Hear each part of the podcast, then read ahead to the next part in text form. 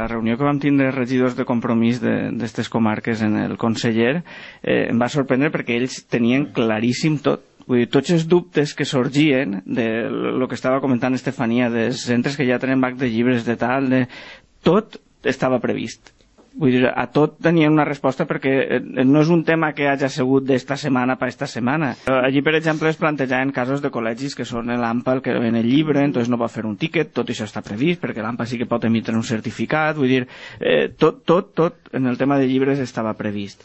I, de fet, el, el tema de la renta, de com es dona una ajuda de llibres indistintament de la renta, és perquè l'objectiu és recuperar aquests llibres. O sigui, no estem, esta subvenció no tornarà a donar-se Vull dir, és enguany i ja està. Perquè suposadament l'any que ve ja hi haurà suficients llibres en els col·legis com per tal de que siguin gratuïts per a tots. Vull dir que jo crec que això també és algo que, que s'ha d'entendre. Vull dir, no és una subvenció que a partir d'ara es donarà a totes les famílies. És una cosa puntual d'ara mateixa. En quant a les consultes, bueno, pues també es van fer eh, eh, fa, fa uns anys eh, uns plans d'empleo organitzats pel Partit Popular que pagava el 33% l'Ajuntament, el 33% la Diputació, el 33% la Generalitat, i a ningú li van preguntar si, si el volia o no. Vull dir que jo crec que aquestes mesures és una manera d'implicar i, i el govern que està per dalt eh, crec que eh, té lògica que, que ho faça.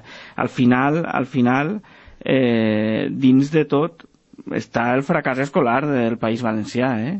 no, estem per damunt de tota Espanya, vull dir, de tota Espanya a lo bèstia, vull dir, només Ceuta i Melilla estan per damunt de nosaltres en fracàs escolar, vull dir, jo crec que s'ho hem de fer mirar, eh? s'ho hem de fer mirar, de fet una de les propostes que n'hi ha és fer una llei valenciana d'educació que definisca certes coses sense, contra, sense contradir les estatals perquè és que, és que estem en un cas exagerat a banda del finançament que tenim, no? però, però a banda d'això, eh, clar, és que som l'última comunitat en educació.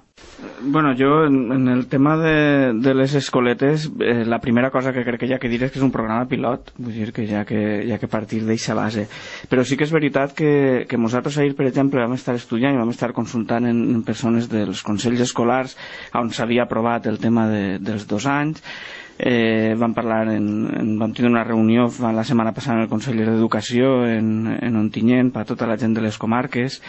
I clar, això, el programa genera dubtes però n'hi ha una cosa per a nosaltres clara i és que eh, els va triar els centres en un, o sigui, centres on s'havia d'aplicar el programa pilot n'hi ha una sèrie de característiques però segons va, es va dir el conseller eh, es va consultar en els alcaldes eh, si l'alcalde d'Alcoi va decidir que sí que era oportú eh, fer eixa eh, prova pilot en Alcoi, nosaltres, i avui ho proposarem en premsa i farem l'escrit, anem a proposar que les escoletes municipals siguin gratuïtes en els dos anys també perquè si no es produirà un, una desmatriculació de les escoletes municipals cap a, cap a, cap al Romeral i, i Miguel Hernández. I jo crec que si, si la proposta és que siga gratuït, com a mínim eh, que siga igual vull dir, com a mínim que siga igual. Una altra cosa és que l'alcalde d'Alcoi, quan se li consulta des de conselleria, era dir, pues mira, no, esperem-se perquè tal. Però una volta que s'aplica en Alcoi, jo crec que no pot haver un agravi comparatiu entre dos tipus d'escoles de, públiques infantils. Això per, per una banda. Per altra banda, eh, i si no van comentar en el conseller, és un programa pilot, ja que veure com, com funciona. Eh, I per això es fa, vull dir, es fa per, per averiguar com funciona però això és una cosa més personal que no, que no de, de partit, però jo crec que hem de seguir models eh, de països nòrdics. Vull dir, així hi havia, eh, es va avaluar fa uns anys, no sé si encara serà el mateix, igual el regidor d'Educació de, sap, que un xiquet de 0 a 1 anys en una escoleta municipal costava 600 euros al mes dels quals pues, els pares paguen una part i l'altra part l'assumís la, eh, l'Ajuntament eh, en els països nòrdics això 600 euros tu pots triar. Tu tries si dus el xiquet a l'escoleta o si el quedes el xiquet en casa i reps eixa eh, subvenció.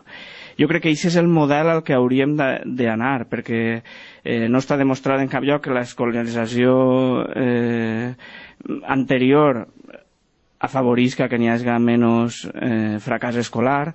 I jo crec que aquest model mixte que tenen allà i que els funciona molt bé és un model que igual hauríem d'implantar que lògicament això no és una cosa exclusivament de la Conselleria d'Educació ni tan sols del govern valencià, vull dir, és un model a nivell estatal. Però jo crec que aquesta línia eh, hauria d'anar treballant-se perquè en el fons no estàs gastant més diners sinó que estàs reutilitzant els diners perquè la mare o el pare es quede cuidant el xiquet no? que també és una, una mesura eh, molt interessant interessant i sempre que es puga triar, que cada un trie en funció de la seva situació laboral o de la seva situació personal eh, que és el que vol fer. El que no val és cobrar la, la, la subvenció per tindre el xiquet en casa i que el cuiden els abuelos. No? Això, això no val perquè entonces no, no tindria sentit. I després del tema dels llibres eh, nosaltres en això estem molt contents perquè a més no és una subvenció d'enguany, vull dir, és un projecte a mig plaç que és aconseguir que siguin els llibres gratuïts per a tots.